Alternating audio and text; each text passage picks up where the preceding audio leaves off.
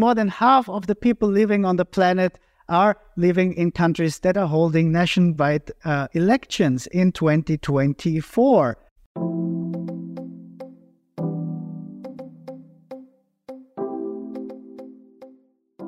Hi, welcome to Podcast Hubungan Internasional. This podcast is brought to you by the Department of International Relations, Universitas Gadjah Mada. I'm Daniel Petz, and I'm here with Ayu Diasti Rachmawati, who is live from Florida.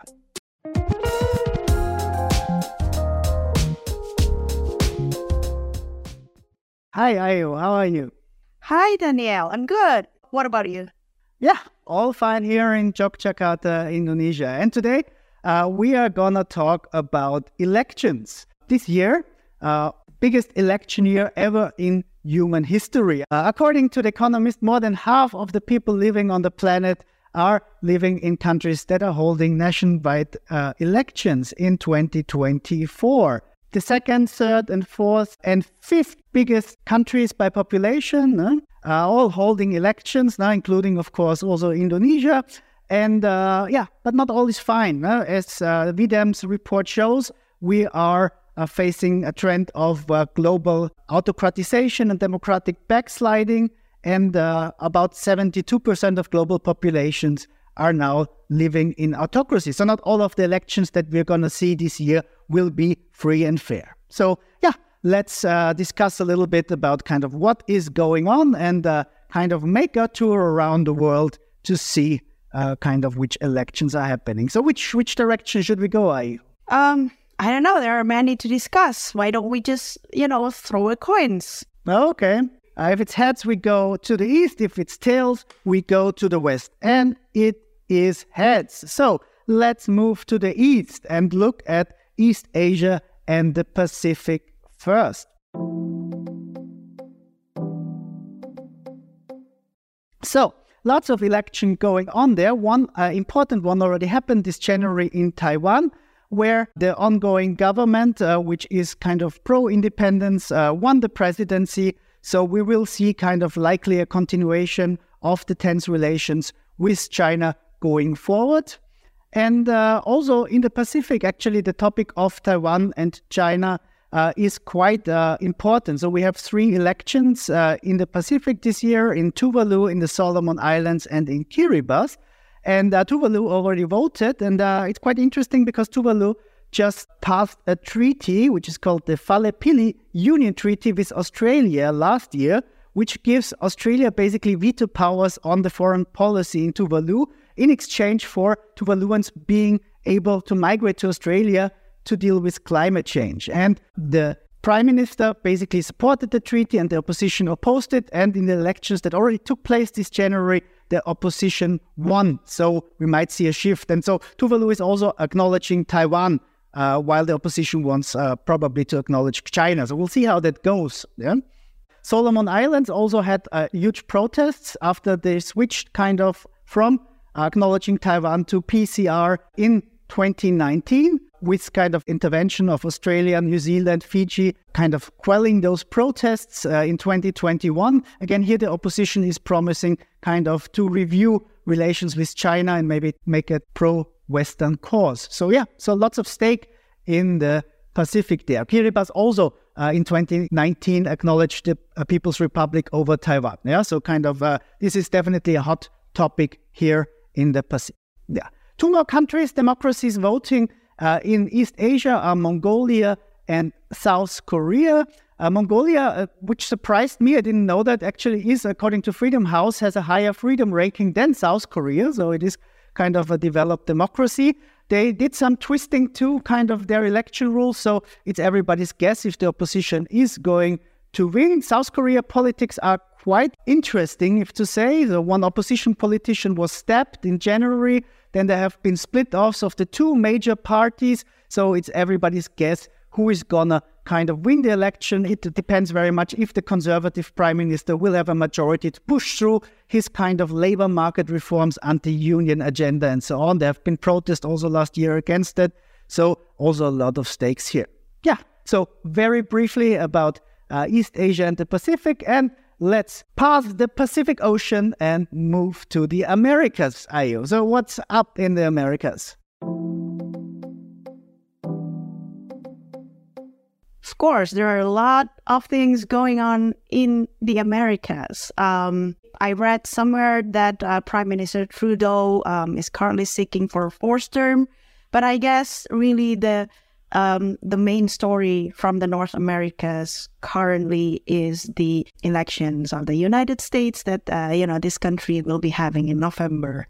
Um, right now, it it is it seems very possible that we will see a rematch of old competition, right, between uh, Biden and Trump you know the question is really whether you know each of those like candidates will be fit enough to actually lead the country. Both biden and trump you know likes to portray their opponents as as weak and too old to lead the country and both of them are old. So it's really a question about both physical and and, and mental uh, fitness uh, Trump has a lot of legal troubles. Also, he might govern from. Yeah, it's so interesting, right? Um, he has a lot of legal troubles, but it really doesn't prevent him from from actually uh, running for uh, the candidate for the Republican Party, but also like winning some of the primaries that we have so far. Um, so yeah, the the political polarizations uh, is still there. Uh, I think it's it's it's not getting higher, but it's still high. Both Trump and Biden uh, continue to uh, see each other as, you know, the source of problem for the whole country. Uh, Trump, for example, see Biden as the source of the of the soaring inflation that the United States uh, is experiencing right now. Um, his security policy is practically threatening the U.S. because uh, it's not as quote unquote tough as uh, Trump would do in, in the border um, etc. So, with the narratives that Biden was actually stealing the election, Trump manages to get uh, some strong support uh, in the primary. So, it is very likely for the Republican Party to choose him as the uh, presidential candidate in the upcoming election. For Biden, you know, the narrative is also still the same. Trump is seen as the, you know, most threatening political leaders to, to US democracy. Uh, but interestingly, like the voters, uh, CNN uh, did polling some days ago, I think, and both Biden's voters and Trump's voters are saying that if the election is carried out today, they would choose either Biden uh, or Trump simply because you know they don't like the other person to win. So it's not because they, you know, they are happy with the um, candidates, uh, but simply because uh, they hate uh, the other uh, candidates. Um, so yeah, it's it's very interesting. It makes the political scene very volatile. We haven't seen any independent candidates, but uh, some news believe that if there were a third party candidates, uh, then most likely the voters would cast their uh, their vote for for the third party candidates. It's an unpopularity contest rather than a popularity contest. Indeed, it's an unpopularity contest. Yeah, it's so ugly. There are a lot of uh, there are a lot of risk involved. But yeah, it is what it is. And unfortunately, we also, you know, see the same stories from its neighbors, the United States neighbors in the South uh, America and Central America. Um, so we know for quite some time that there are strong anti-incumbent um, sentiments in Latin America. But then, interestingly, this year uh, we are seeing, you know, incumbents running uh, for elections, right?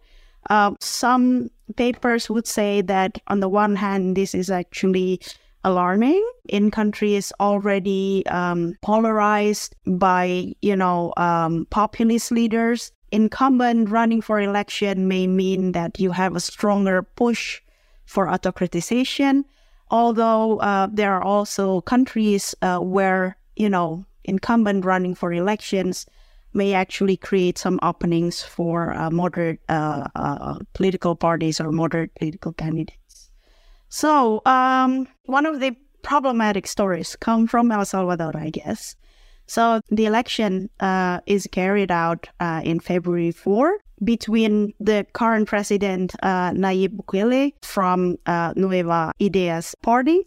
Interestingly, we've heard of this story somewhere, the party was actually established by the president as his own political machine. Like he ran with this political party back in 2019, and he will run again this year with the same uh, with the same party. And President Bukele actually run for the election despite the presence of constitutional rule that forbid consecutive re-election in, in, in Latin America. So just a little bit of context. Latin American countries uh, used to have like stories of authoritarianism, like long period of authoritarianism. So many of Latin American countries actually has a very specific uh, regulation rule in its constitution saying that a president cannot seek for re-election after you know, second term re-election right after his first term. So he has, you know, any president have has to wait uh, before he or she can run for uh, election again. But the problem is in El Salvador, um, President Bukele, you know, just you know bypassed that regulations and actually running for election this year. Um, another interesting thing from El Salvador is that a lot of um, experts actually call him millennial authoritarian, uh, which I find very catchy because, it, again, it resonates uh, with me, uh, with my own experience in my own country, right?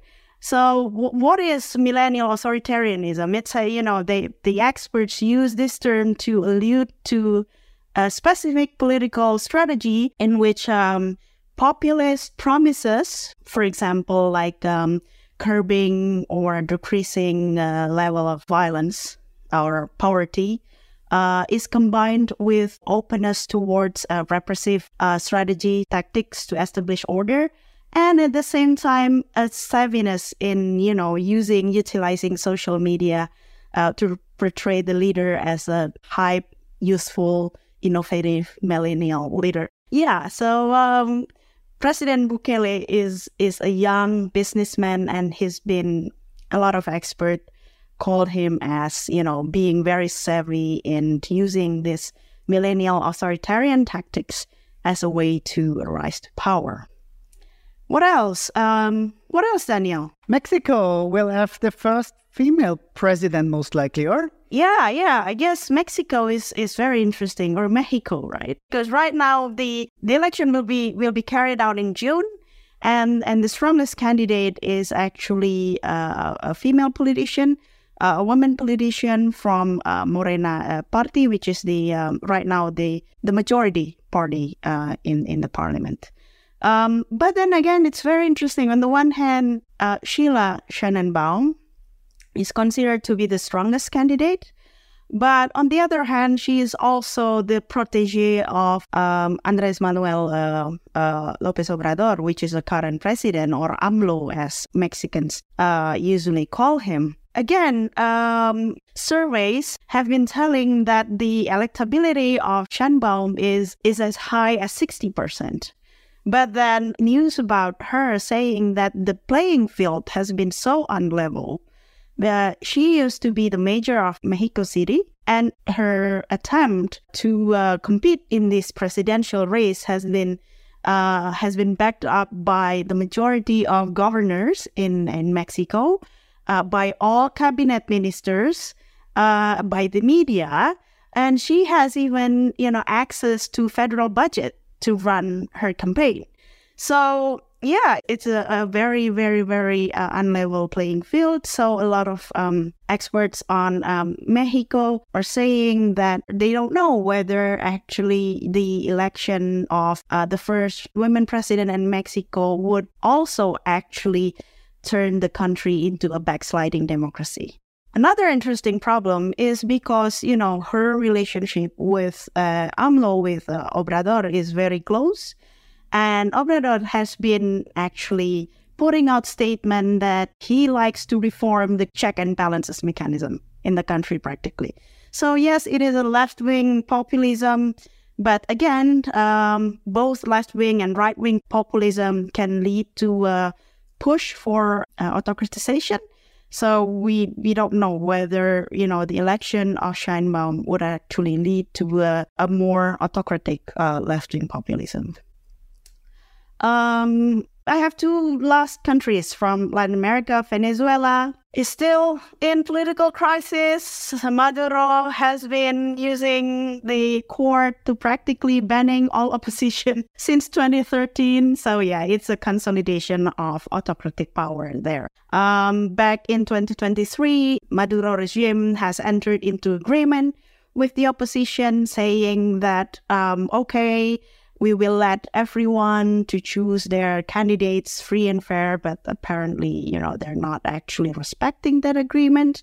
So yeah one of the strongest opposition is actually maria corina machado she's been disqualified by the supreme court for a lot of um, weird reason but not surprising reasons such as you know supporting us sanctions uh, corruption allegations etc Last but not least, Panama. Last year, we've seen, you know, weeks of protest after the government entered into a contract with a big mining, copper mining company from Canada. Uh, Panamans, uh, they're saying that the contracts uh, involve several, you know, dubious arrangements. But on the other hand, it, it's also the biggest copper mining operations in Central America. The concessions contributes to 5 to 10% of uh, Panamans' gross domestic product. So I'm not sure how these protests would actually affect the election. Uh, the candidates, two of them have been critical of the contract and the mining operation. One of them is um, actually the strongest one, is quite conservative, but he is currently processed in court because of a money laundering case. So, yeah, we're not sure which candidates will gain benefits of this controversy of, of mining contract. That's all I have from the Americas. Let's move further east and we arrived in the west because the earth is not flat. well, hopefully not, otherwise we would have fallen off by now.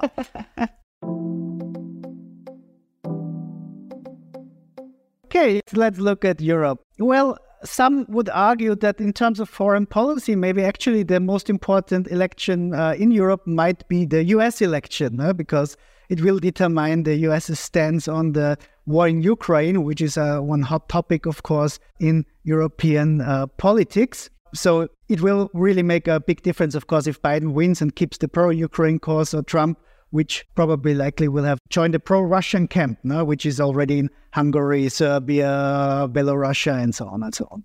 Uh, but yeah, in terms of elections, uh, also a lot going on in Europe in 2024. Biggest uh, in the room, of course, is the European Union Parliament elections in May, which is one of the biggest elections in the world, with like 300 plus million people going to the polls, all European Union members, and uh, yeah, what we see, and I think there's a trend uh, in Europe, is of course there is uh, definitely a right wing shift going on. We had, yeah, with the Ukraine war, we had like also big inflation in Europe, so people are suffering economically.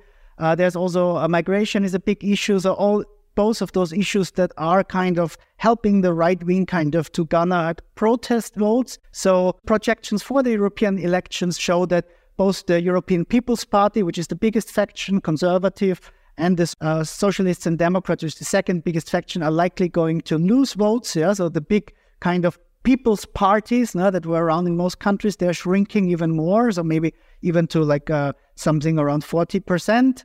Uh, and uh, like kind of the edges, no? both on the left and on the right, are probably going to win with the right wing kind of gaining the most. So this identity and democracy bloc, so of the a kind of a, uh, uh, association of uh, different right wing parties it's gonna supposed to come to 90 seats from about 40 so uh, 50 so it's kind of almost doubling going to double itself. And uh, big losers might be green parties they're government in germany austria so they get a bit punished by the voters for some of the kind of green policies.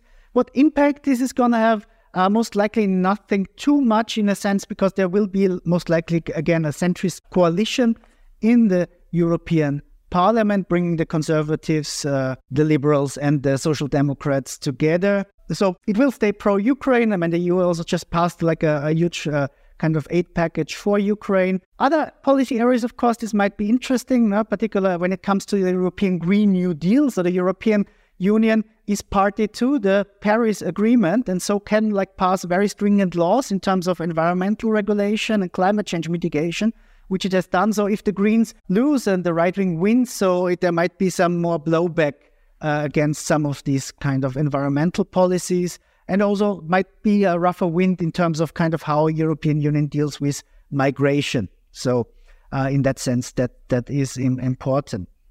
If you look at the national level, also kind of this right-wing trend uh, is visible in almost all kind of uh, surveys that we have. Uh, Germany is going to have uh, local elections in three eastern states, or uh, former eastern Germany, and there the Alternative for Deutschland, Alternative for Germany, like a right wing, very right wing party, is, is in first place currently in the surveys. In all of them, around 30% of the vote. There were like huge protests, actually, anti right wing protests in German towns in the last couple of weeks. So let's see if that shifts something. Austria, my native home, is also having parliamentary elections. Uh, here, also, the right wing at the moment is in number one but it might be a match between the right wing and the Social Democrats. The Conservatives are going to lose big because our uh, formerly useful Chancellor Kurz, he's now indicted in several corruption cases. So uh, the People's Party Conservatives are going to lose about 15%.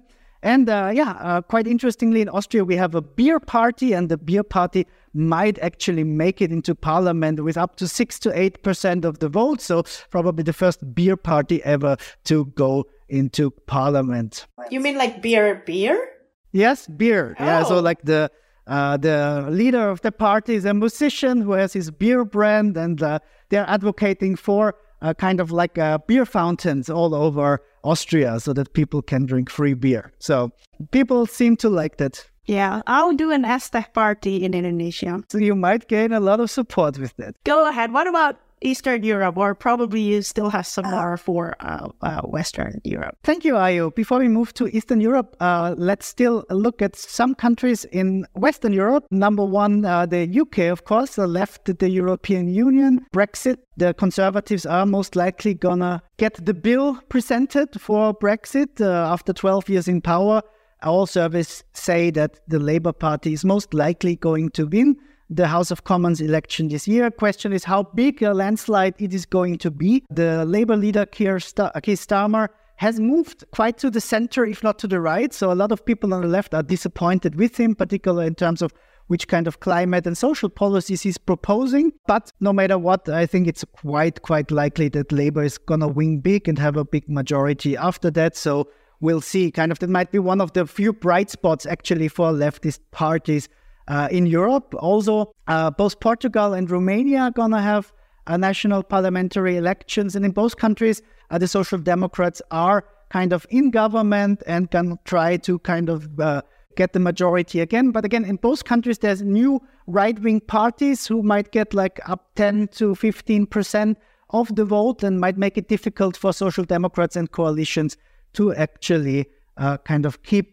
governing. So there might be, again, switches on right wing. And there's always the question how the conservative parties and the liberal parties then deal, if they make deals with the right wing or if they keep the right wing out of government. So uh, this is a kind of, uh, yeah, a big issue in, in many European countries as we see. Moving more to the east, another big issue, I think, in European politics is kind of, uh, yeah, who will join the European Union next? A number of candidates, countries who have elections. Uh, there's Georgia, there's Moldova, uh, there's North Macedonia. And uh, yeah, all of them want to join. Uh, yeah, have kind of this uh, shift. So there's like on the one hand, there's Russian influence, so there's Russian money and Russian pressure for them to kind of not be pro-European. And there is kind of quite a, some parts of the population want to join the European Union. And Georgia again, they had uh, have a pro-Russian party in government. There were big protests again. I think last year or two years ago against like them making taking steps against the European Union kind of adhesion process, and uh, the government pulled back. So it's to be seen if kind of the opposition is going to win the election in Georgia, Moldova. You know, they have this breakaway part in Transnistria, so it's very close. Of course, also a neighboring country to Ukraine. So uh, this is kind of also again one of the main topics. So is it going to be a pro EU government or a pro Russian government? North Macedonia uh, needs to kind of pass a law that acknowledges the Bulgarian and other minorities before they can join the European Union. So again, it's a question if there's going to be a majority because they need two thirds majority to change their constitution to do so. And then, of course, uh, some of the autocracies in the Eastern Europe are going to vote. No? First and foremost of them, of course, Russia. Yeah? So Putin is looking to get his fifth term. Yeah? Want to break a record probably for the most terms as a president. Uh, yeah, the elections are not going to be free nor fair. They even taken more steps to make it more difficult. Voting will take place over more several days. Uh, civil servants are asked to photo their votes. Yeah, basically most opposition parties and candidates have been disqualified. So some journalists uh, don't speak of an election, but they speak of a coronation for Putin. The last time he got about 77%. Now he's hoping to get around 90. So he goes towards North Korean territory uh, in his kind of uh, election.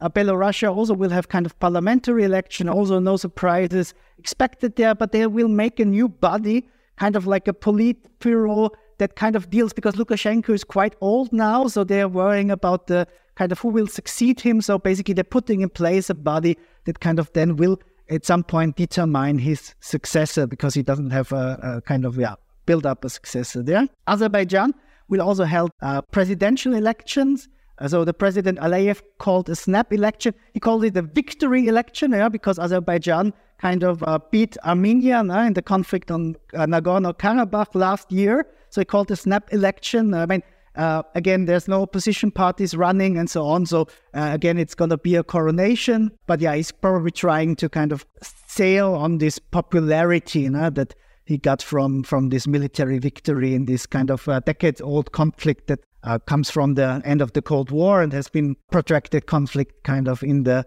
Caucasus region. Yeah, so that's uh, yeah kind of a brief update on what's happening uh, on the European election front. Tune in to part two of this episode to hear more about elections in Africa, South Asia, and Indonesia. Bye. Thank you.